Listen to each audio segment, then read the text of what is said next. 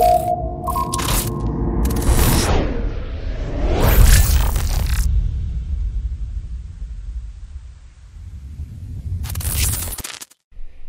pemirsa, hari ini saya kedatangan tamu luar biasa ya. Jauh-jauh dari Cimahi. ini. Gimana, Iya. Bos? Macet nggak ke sini tadi, Bro? Eh lumayan sih. Lumayan. ya? Lumayan. Iya. Sekarang kan udah udah normal ya, maksudnya udah kayak biasa aja gitu maksudnya. Ada yang pulang kerja dan sebagainya jadi macet. Ya, gitu ya. Oke. Nah, ini buat yang belum tahu atau belum kenal ini eh, namanya panggilannya Bang Ucok ya. Iya. Tapi sebenarnya asli gue sampai sekarang itu penasaran, Bro. Nama asli Rizky Febrianto kan? Iya, betul. Heeh. Kenapa kok tiba-tiba jadi Ucok? Maksudnya Ucok itu gua kebayangnya kan orang Medan. Ah, gitu. iya. Lu nggak ada Medan-Medannya. Atau pernah jualan duren kan? Gimana lu? Iya, jadi nama Ucok itu dari teman-teman sekolah dulu, dari Eh, teman-teman SMP? sekolah SD? eh, SMA, SMA. Oh, SMA, Hmm. oke. Teman-teman sekolah eh, ya kalau kalau saking dekatnya itu udah ada panggilan nama eh, sahabat lah nama akrab gitu maksudnya. Hmm. Nah itu filosofinya emang agak ngaco sih, maksudnya nggak nggak terlalu filosofis banget. Hmm. Kenapa jadi namanya ucok gitu? Tapi emang itu hanya hanya seba- sebatas panggilan akrab teman-teman di sekolah sih. Terus tapi nyebar, a- nyebar, as- nyebar asal muasalnya random atau atau apa? Eh, random sih, ya nggak filosofis banget itu maksudnya. Jadi random itu ya namanya anak SMA lah ya, Hmm. sering bacot gitu Ya, ya. ya, ya. Iya Eh, sih. bu- bukan nama bapak juga kan? Bukan. Enggak lah. Kan gitu ya. Eh, eh, eh. Kalau nggak, gua nggak tahu anak sekarang, tapi Eh. kalau zaman gua dulu kan kadang nama bapak. Iya benar benar benar nama bapak ya benar benar. Itu jadi jadi ejekan juga kan Iya, nama iya, bapak ya benar. enggak. Iya, iya, sih. iya, Enggak ya. Oke, ya kalau gua dulu terus terang pernah punya panggilan, ya sampai sekarang kalau yang teman gua dari SMP atau SMA, Hmm. beberapa ada yang manggil gua pakai nama panggilan khusus ini. Gua Eh. dulu dipanggilnya Gombloh, bro. Gombloh. Gombloh. Nah itu kenapa tuh? Karena dulu waktu SMP Hmm. ada guru biologi gua lupa namanya, orangnya lucu lah. Hmm. Guru biologi lucu dan lucunya itu karena kadang kalau ngajar dia ka- agak-agak nyerempet-nyerempet Hmm. ke ya gitulah. oh, ke arah sana gitu. Guru biologi soalnya. Oh iya, kan, ke- kayak ke gitu. arah Iya, iya, arah, arah- Produksi gitu. Iya, produksi gitu. Iya Nah, iya. Nah, suatu kali mungkin gua ngelamun atau gimana, Eh. terus dia kayak manggil gini, "Eh, kamu Eh. jangan domblong aja." Kalau bahasa Jawa itu domblong itu kayak ngowoh gitu, ngowoh. Eh, Oke. gitu kan kayak oh gitu kan. Oh iya iya iya. Kan- Melongo kan- gitu ya. kayak melongo Ah, ah, ah, gitu, ah, jangan ah. domblong nah Eh. dari kata domblong itulah terus kemudian jadi gombloh gitu Eh, Gombloh itu bukannya penyanyi ya? iya kan musisi juga kan, Iya kan? Nah, mungkin kalau manggilnya domblong mungkin kan ka- agak nggak ada referensinya. Ah, oke. tapi kalau gombloh kan oh ya ada ada referensi Oh iya ada referensi. artis penyanyi eh. gitu. Ah, nah gitu. gitu jadi kadang beberapa teman gua SMP SMA masih ada tuh yang manggil itu Masih itu. Iya, jadi Kayak kalau- melekat di mereka iya, gitu jadi ya. kalau ada yang tiba-tiba manggil gua gombloh, wah ini kalau nggak SMP, SM, teman SMP SMA langsung bisa mendeteksi Ah, langsung gitu. bisa ke sana ya. Iya, ah, kayak Oke. gitu. Oh jadi Menarik, ucap iya. itu gara-gara SMA. Iya, anak-anak SMA sih. Mm-mm. Terus mel- melekat terus sampai Sampai sekarang. Sampai sekarang. Hmm. Dulu kuliah atau langsung gimana? Saya tuh dulu eh, sempat mau kul bukan kuliah tapi sekolah masak sih. Sekolah masak. Itu eh, apa kayak sekolah tinggi gitu atau apa? Ya, sekolah tinggi. Namanya sekolah apa? Sekolah Tinggi- tinggi terapan gitu maksudnya. oke, sekolah oke. tinggi terapan. Adapun kalau ngambil kelas eh, eksekutif chefnya itu baru kuliah. Tapi Hmm. untuk eh, jurusan yang masaknya itu ada lagi sekolah tinggi terapan sih untuk masaknya gitu. Jadi dulu pengen bukan pengen sih sempat sempat daftar untuk itu. Hmm. tapi eh, nggak nggak bukan nggak keterima sih waktu itu. Nggak tahu kendalanya apa lupa lagi. Tapi sempat nggak jadi terus kerja dulu. Nah eh, setelah itu saya apply ke beberapa beasiswa di luar negeri Perancis Itali waktu itu. Oh oke. eh, ngadain eh, beasiswa untuk sekolah masak. Saya apply juga waktu itu sampai sekarang belum di reply sama si itu aja eh, lewat email kan Iya, biasanya iya. Nah, itu eh, memang beritanya memang ada beberapa yang keterima di Indonesia tapi saya nggak keterima kayaknya nggak terima gitu Hmm. di di sekolah masak. tapi sampai saat ini saya memang pengen banget sih sekolah masak gitu jadi memang eh, bukan nggak mau kuliah tapi pilihannya sekolah masak karena memang suka banget masak gitu Ah, oke. Artinya kalaupun kuliah mungkin masuknya yang agak-agak masak itu apa ya? Perhotelan gitu kali ya? Perhotelan, Kan ada perhotelan. tata boganya ya. Heeh. perhotelan lebih ke arah sana Nah, ini jadi menarik ini. Kenapa, Bro? Kok kok kok kok, kok sukanya masak gitu? Oke, waktu kecil SD itu saya eh, jar karena ibu saya jarang ada di rumah ya, mama Hmm. jarang ada di rumah. Kerja. Eh, dagang, Oh, dagang, oke. jualan, Hmm. jualan baju gitu ya, ke mana keliling gitu. Saya di rumah cuma ditinggalin telur gitu ya, kadang Oh, I apa-apa. see. Nah itu itu jadi masak sendiri, explore sendiri, jadi jadi seneng tuh dari situ masak. Ah, Oh gini tuh masak, jadi lebih asik gitu. Iya, iya, iya. Eh, karena kalau waktu kecil tuh kita kan sering sering ngerasain kalau sesuatu yang baru kita alami bakal terus kita ingat kan, Betul. ya kan, ketika kecil itu.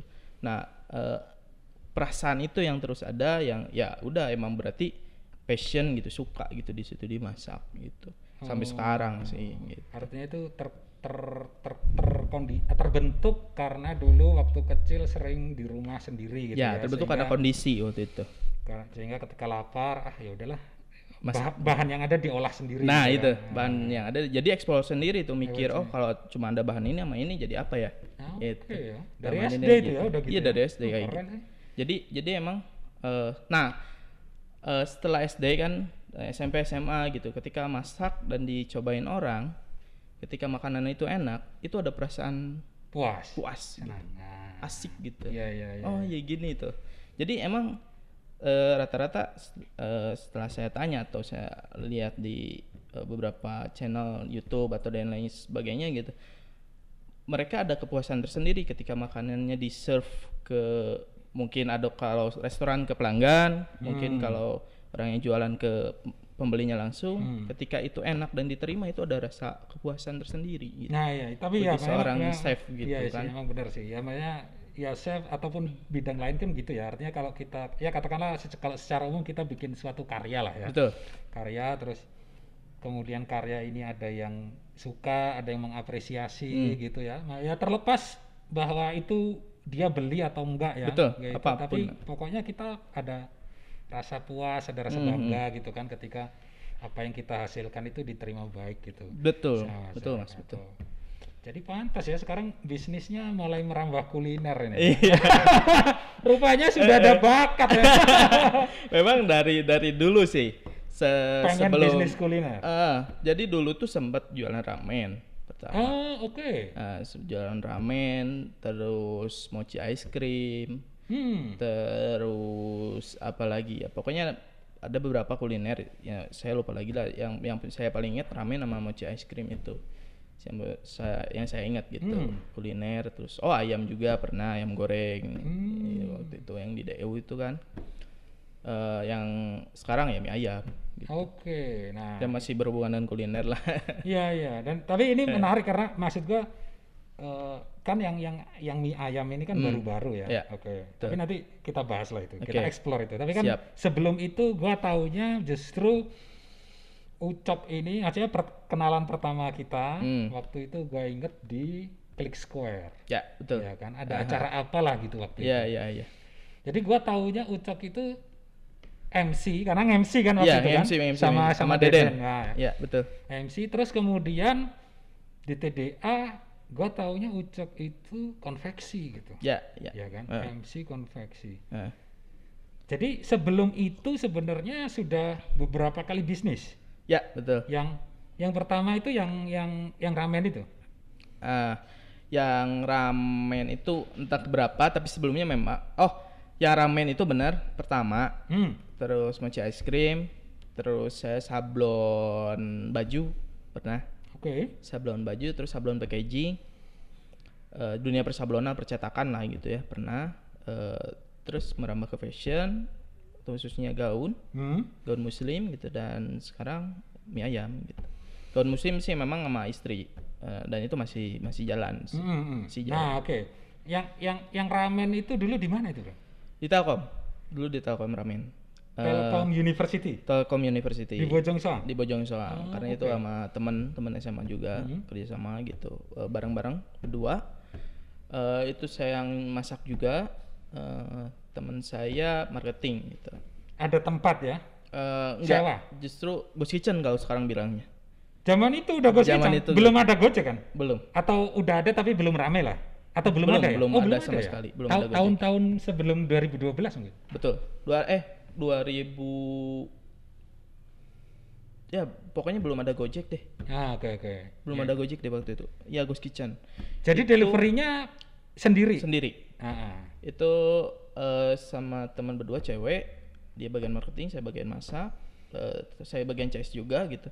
Itu dulu nyebarin brosur ke asrama-asrama cewek di Telkom. Nah, oke. Iyalah Gitu. tel- Telkom Ah. kan banyak asramanya banyak ya. Ya, asrama kan ada asrama ceweknya tuh. Nah, sebarin brosur di sana itu via SMS. Mesennya. Ordernya. Ordernya. Ah, oke. Ordernya via SMS nanti kita anterin Ghost Kitchen-nya di di dalam komplek kampus atau di luar? di luar di rumah temen Oh, yang Eh, teman yang cewek. tapi ini. dekat-dekat situ. Oh, Dekat-dekat Telkom dulu. Itu jalan berapa lama itu? Eh, hampir enam bulan lah ada lah Oh, gitu. enam bulan. Karena dia fokus skripsi jadi saya sendiri gitu maksudnya dan eh, itu capek banget sih. Iya, capek banget karena dia sibuk skripsi juga nggak bisa ditinggalin lagi tugas akhir juga dia lagi sibuk banget bimbingan. Saya terus eh, ngurus itu sendiri ya udahlah. Bubar. bubar aja. Ah, Oke, jadi bubarnya karena karena dia sibuk skripsi ya? ya Bukan bukan karena berantem gitu. Bukan. Karena cinlok misalnya. Gue gue tertarik saya lu bilang wah cewek waduh ini masih muda ada partneran bisnis partnernya cewek ini biasanya Enggak, enggak. terjadi something something. Enggak sih. Enggak ya? Tapi hubungan masih baik? Apa masih. Oh masih. Ya, ya bisi aja masih. Masih menyimpan rasa. Si cewek si ceweknya si cewek. iya betul. Iya benar juga ya? Iya iya masih betul betul terngiang-ngiang aduh masakan bang ucok enak ya oke Oke, so ramen berakhir masuk ke mochi es krim ya. Ya. Oke, dan memang waktu itu ya setidaknya di Bandung gua tahu lah mochi Hype es krim waktu itu. lagi happening banget ya. Hype banget Mochi Gua inget dulu masih gua belum married waktu itu, masih pacaran sama Hesti itu. Hmm. Kos-kosannya Hesti itu di depannya maksudnya bukan di seberang jalan tapi di hal kayak di halaman itu itu dipakai jualan mochi es Hmm. krim. Ah, di mana di Sekalwa? Di sekolah bener. Ah, si Mochi Lock itu. Nah betul, Iya, betul. Tahu? Lu nyamperin Iya. ke situ jangan? Iya, ngikutin itu sih. Maksudnya Ah, bukan Oh, maksudnya itu Kali- itu kon- eh, itu role model lah. role model juga. Ah, Maksudnya oke, oke. eh, salah satu role model juga. Terus memang eh, itu nggak nggak bareng sih. Maksudnya duluan mereka ya. Iya, iya. Cuman dan- memang ya, Bang. Asik gitu ngelihatnya gitu. Ah, ah, benar. cara cara mereka itu. berjualan dan lain Rame, sebagainya asik rame iya. gitu. Ya kayak kita coba aja sih. Iya, makanya gua dulu kalau ngapel, waduh motor susah, Bro. iya. Emang penuh kan? Iya, penuh, penuh Iya. yang si mochi lock itu. Hype banget waktu itu mochi ice cream. iya, iya. Ya, cuman kan Itu kan somethingnya ya waktu itu kan. Mm-mm, Maksudnya dan gue heran apaan sih mochi lock ini akhirnya pas nyoba oh gini dalamnya es krim tapi dibungkus aci lah ya Iya. ya kayak mochi uh, mochi warna-warni Mm, gitu. dan ada warna-warninya gitu ya. Eh. tapi es krimnya itu lah yang bikin Es krimnya itu yang enak. Hmm. Dan gua ingat dulu waktu itu awal, aduh lupa ya tahun berapa ya 2013 14 lah. Hmm. Itu udah masuk TDA, jadinya gua awal-awal masuk TDA lah bisa dibilang. Itu kan kenal Kang Brata itu kan. Hmm. Oh iya, Kang Brata Manggala. itu, uh-uh, jadi dia memang posisinya memang kerja, Hmm. tapi dia punya sambilan itu mochi, tapi Mochi dia ice cream itu? posisinya produsen. Oh. Jadi bukan dia yang buka kafe atau itunya enggak, jadi dia yang nyuplai, dia Supply dia. Iya, dia produksi si mochi ice cream. si mochinya itu Hmm. gitu. Jadi ya itulah awal-awal kenal Kang Brata itu justru taunya dia kayak juragan mochi gitu.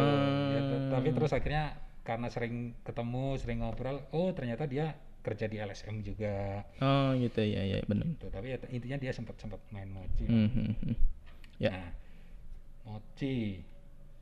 Terus tiba-tiba kalau gua nggak salah denger tadi masuk sablon ya. Sablon. Itu Sablon kan baju. jauh banget, men. Iya.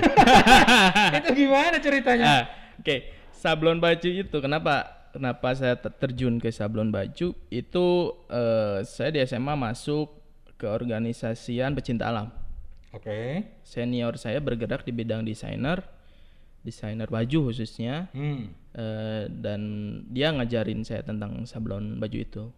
dia yang ngajarin sablon, Eh, eh. teknik sablonnya. Berarti dia dia bisa sablon sebenarnya. Dia bisa sablon, Oh, jago oke. banget dia. Oh, jago ya? Jago oke, banget. oke. Memang dia eh, salah satu guru besar di Bandung tentang sablon juga. Persablonan ya. Ya, tentang persablonan juga oke. salah satu eh, yang dituakan lah. Oh gitu. Di, di oh, Bandung bisa itu. disebut namanya, Bro. Bisa Itu eh, Johandi namanya. Johandi. Eh, eh, Oh, si Mang Jo itu. Anak-anak TDO juga tahu sih sebenarnya beliau gitu. intinya kalau urusan sablon dia Sablon ke- punya nama lah ya. Nah itu sini. Ah. dia punya punya kelas sendiri gitu. Nah diajarin langsung sama beliau dan tentang persablonan, pecah warna. Nah itu tuh gue sering dengar istilah pecah warna. Nah iya Ya, pecah tapi warna. Ya, anyway itu. Ya, eh, terus tentang teknik sablon dan lain sebagainya lah Hmm. di situ eh, di- diajarkan detail banget sampai akhirnya saya terjun ke dunia sablon itu gitu dan dunia konveksi gitu. Iya, iya, iya, tentang produksi aja semuanya pokoknya. Oke berarti belajar konveksian kayak kain lah, Ya, betul. motong, Eh, eh. jahit, bordir juga mungkin. Itu sama Ya. Mangjo itu juga. Eh, untuk produksi jahit saya lebih explore sendiri sih nyari-nyari sendiri, sendiri. ya. Ah. Tapi untuk teknik sablon memang eh, si Mang Jo ini yang yang expert gitu di bidangnya. Jadi untuk yang kain ini dan produksian saya ekspor sendiri untuk sablon ke Mang Jo gitu. Jadi saya inget banget tuh waktu pertama nyari kain itu ke Kenari. Kenari yang di Oh, iya, DIP iya, yang terkenal banget kan Terkenal itu ya. itu sampai ngantri banget di sana memang bahannya bagus-bagus dengan kualitas bagus tapi harga lumayan tuh waktu itu Hmm. dan waktu itu memang eh, untuk produksian di Bandung memang banyak tapi banyak juga marketnya gitu Gak kayak sekarang kan marketnya lumayan menurun tapi produksi makin banyak Oh iya betul. Iya Ah, kan? ah, ah. Nah di zaman itu di waktu itu market banyak, eh, produksi banyak, jadi nggak nggak pernah rebut-rebutan gitu, nggak pernah banting-banting harga, ya Oh, punya kualitas dan artinya harga ya, sendiri lah. Ya gitu. dan semua kebagian kuenya lah. Nah gitu iya ya. kebagian kuenya gitu di di saat itu gitu nggak sekarang kalau sekarang kan bener-bener Sekarang gitu ya. rebutan ya. rebutan banget iya Rebutan kue. untuk untuk ya bahkan produksian orang produksian sendiri langsung jual ke end user kan gitu maksudnya Oh gitu ya. iya kan Oh, adanya marketplace dan sebagainya itu kan Oh iya benar benar benar. kan iya, iya. menjembatani orang produksi langsung menjual ke user Nah iya kan? benar benar. Nah, itu gua, yang, gua, yang gua jadi, jadi trouble sih semalam kan gue nyari tas ya. ah, Tas kayak duffel bag kayak tas olahraga gitu. ah, kan.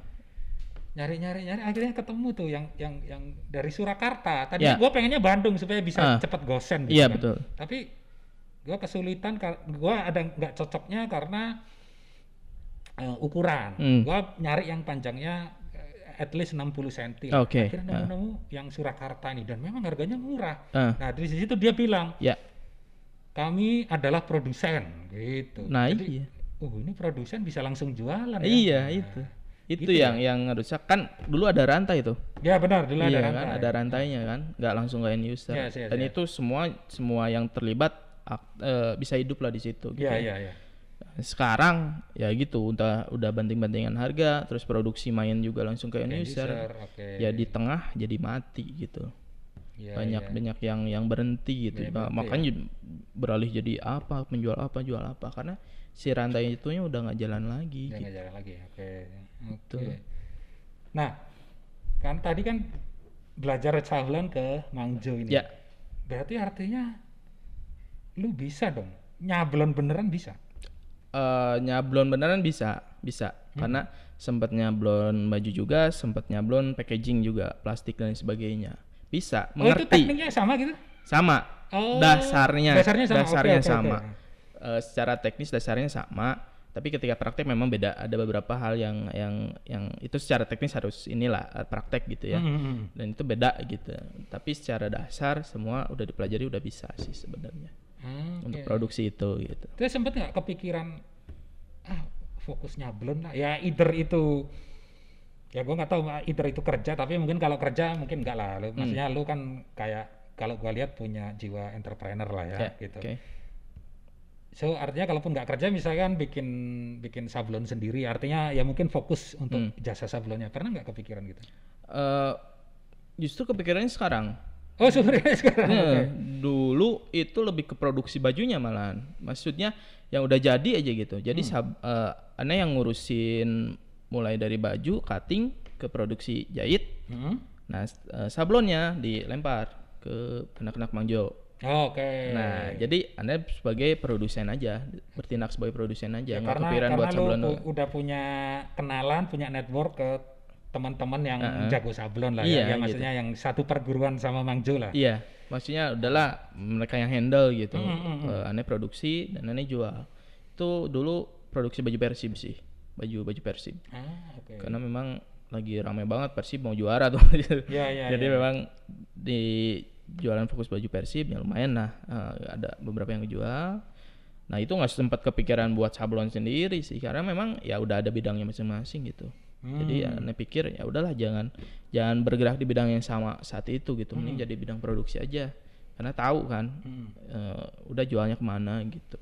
Ya udah jadi produksi aja. Oke. Produksi yang langsung baju gitu. Baju itu. jadi Tapi sekarang kepikiran sablon justru. sablon tapi lebih ke packaging sih. Oh ya, yang packaging ya. packaging. Ha, Nah itu packaging. kalau untuk setup bisnis sablon itu, Ya. ya, setidaknya yang packaging lah. Ya. Itu butuh modal gede nggak sih? Atau atau maksudnya gua nggak kebayang tuh orang untuk nyablon itu peralatannya se sebanyak apa atau semahal apa atau gimana? Oke, untuk awal sih kayaknya untuk setup ya, untuk setup nggak terlalu gede banget sampai Ratusan lima juta? enggak lah, Puluhan? puluhan nggak di bawah juga? nggak Oh, juga, oke. sangat sangat terjangkau sih Hmm. sebenarnya, karena seiring berjalannya waktu nanti eh, screen ya, ada yang namanya screen Oh iya, itu screen, kan, ah. buat cetaknya, Ya.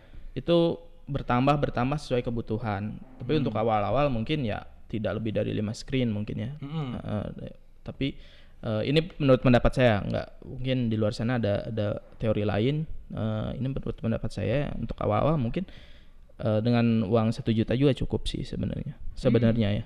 Tapi nggak tahu untuk update harga sekarang eh, perlengka- perlengkapan sablon itu berapa gitu. Hmm. Gitu. Tapi untuk eh, pembelian cat lain sebagainya itu di luar alat tadi. Untuk cat kan ada lagi gitu maksudnya. Oh iya iya iya. untuk ah. catnya kan cat kan beda-beda harga gitu Betul. beda warna beda harga dan lain dan sebagainya dan kita beli cat kan setelah ada order ya, ada Ya. project lah ya. Heeh, Artinya sebelum ada project ya kita nggak nyetok lah. ya nggak nyetok Tapi kalau screen emang harus harus punya, harus ya ready harus punya gitu kan. harus ready kalau screen Nah, gua ingat dulu SMP kan pernah dapat kayak apa ya? Kayak pelajaran tam eks, eh bukan ekskul, lebih kayak pelajaran tambahan lah. Kayak ada pelajaran dulu kan ada kayak pelajaran seni musik, keterampilan, oh iya oke ada sempat fotografi juga. Hmm. Nah, pernah tuh cablon tuh. oh pernah Heeh, jadi screen itu kan istilahnya di film ya. ya di film Iya kan? di Afruk namanya Ya di afdruk nah itu. Di itu kalau ngafdruknya susah atau ada orang khusus spesialisasi jasa itu?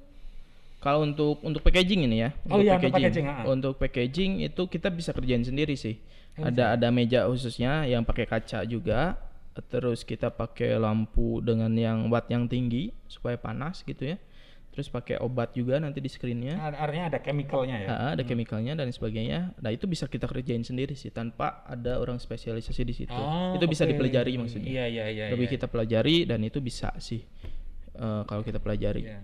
Ya, jadi kalau screennya sudah ada polanya, udah di afdruk itu tadi kan tinggal nanti cat terus diginiin gitu kan. Ya Iya. kalau gua dulu gitu lah. Iya. waktu SMP itu Eh. cuman satu warna sih waktu Iya. itu. Eh. belum belum ya nggak tahu lah ya baru tahu istilah pecah warna kan pas sudah di Bandung gitu Iya. kan anak-anak distro apa uh, Eh. uh sablon udah pecah warna Cawarna.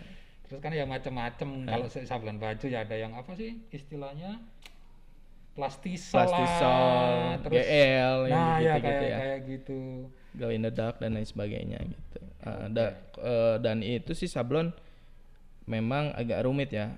Tingkat tingkat tingkat paling tinggi sablon memang pecah warna untuk desainnya ya. Hmm, pecah warna dan itu sulit banget sih sebenarnya si Mang Jo ini sangat ahli gitu di bidang itu. Artinya untuk menguasai itu itu butuh belajar dan mungkin juga praktek dan pengalaman nah agak agak lama jam lah terbang gitu. tinggi jam lah. terbang lah ya oke, ya oke. betul. Untuk Wah, itu. menarik ya karena sablon ngeri nih bang Ucak sedikit banyak saya ya, ngerti terus gitu. artinya sablon ya ngerembet-merembet ke konveksi gitu Ya, kan betul. ke konveksi. Tapi waktu itu konveksinya kayaknya belum pakai online ya? Marketingnya kan? Belum. mungkin lebih kayak kayak orderan sih nyari nyari pesanan kayak dari pesanan atau eh, dari temen ah, gitu ah, dari temen bisa bikin ini enggak ya udah tarik gitu Oke, terus habis itu, nah ya gua tahu tuh waktu waktu konveksi itu, terus habis itu kan, Oke, kalau singkat deh. Kalau MC gimana bisa kecebur MC? itu? Oh iya, kalau MC gini, dulu saya sempat sekolah di DJRI. DJRI, Oh, oke, DJRI DJRI, itu oke, ya, iya, iya, iya, iya. tahun 2012 kalau nggak Hmm. salah, 2011 sampai 2012. Di DJRI itu berapa? enam bulan kalau nggak salah Hmm. di DJRI. Waktu itu DJRI pindah dari mana lupa lagi sebelumnya ke Dago. Nah, di Di situ Taman Sari itu ya? ya ya Taman Sari udah pindah ke Dago kan Oh, pindah ke Dago, yang Dago atas yang itu di pinggir di sebelah kiri nah itu dapat enam bulan sama temen dan sempat kerja di radio sih waktu itu Penyiar? di, di Ardan sama di 99ers saya pertama operator Oke. tapi eh, pernah siaran sih Ah. pernah siaran gitu Nah itu kenapa kok ujuk-ujuk pengen ya masih kan dimulai dari ikut sekolahnya di Ya, JRI kan uh. itu apa motivasinya atau apa yang bikin? dulu memang lagi rame banget sih hype banget itu waktu di Jadi kan. penyiar? Eh, eh. Ah. penyiar MC gitu kan waktu itu terus eh, memang ya rame lah terus eh, banyak cewek lah ya, Ya, kan? ya, nggak ya. bisa dipungkiri kan? Ya, itu. maksudnya itu eh, profesi yang menurut kita cewek itu seneng gitu ya Nah, ya. menarik banyak cewek kan Ya. waktu itu memang. Ya waktu itu diajak teman memang nggak nggak nggak berinisiatif buat ah langsung di JRI Oh, teman ada yang ngajak teman ada dua orang apa tiga orang gitu yang ngajak ayo di JRI eh, ikut. Ya ya udah yuk. Ya udah ikut aja berempat waktu itu. Berempat kalau nggak salah. Terus sisa bertiga yang satu teman out gitu. Saya bertahan waktu itu sampai enam bulan sampai beres sih. Dan jangan-jangan kenal Deden karena gara di situ?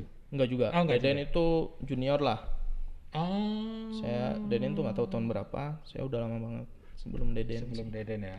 Oke wah Sebelum gila ini malang melintangnya ya. Masak sablon terus entertainer maksudnya Iya. di bidang Eh. usaha gitu tapi jadi nggak fokus justru dengan kayak gitu sebenarnya Oke. setelah dipikirin saat ini gitu ya jadi justru nggak fokus ini mau Karena- ke mana arahnya gitu Iya, kan karena mencolok-mencolok sana mencok sini. mencok jadi ilmunya nggak nggak fokus di satu bidang Hmm. waktu itu tapi alhamdulillahnya untuk di sabon sih ngerti sampai saat ini Sampai yang masih yang masih nempel. menempel itu sama masak sama sablon mah udahlah gitu ya Hmm. Udah mengerti. Cuman di ini bidang lain memang nggak fokus. Jadi sekarang ya udahlah fokus di bidang satu bidang ya udah eh, masak masak sebagai passion terus tapi saya tetap ngurus gio sih. Ah oke. Nah menarik Gigi ini kan yang tadi disebut bisnis fashion itu kan? Ya. Oke, tapi kan ya gua karena posisinya gua tahu lah. Maksudnya tahu karena kenal. Hmm. Jadi kan masuk kecebur di fashion ini kan karena masalah jodoh sebenarnya. dijebak iya kan? Karena Iya, masalah iya, iya. jodoh. Nah, tapi eh, ya habis ini kita bahas ya. Ini menarik Oke, pemirsa. oke, oke. Masalah perjodohan. Gimana nanti kemudian karena perjodohan itu menye- menyebabkan Bang Ucok ini masuk ke dunia ya, tapi kita akan break dulu. Ya. Sesaat. Siap. So, stay tune aja di sini. Oke. you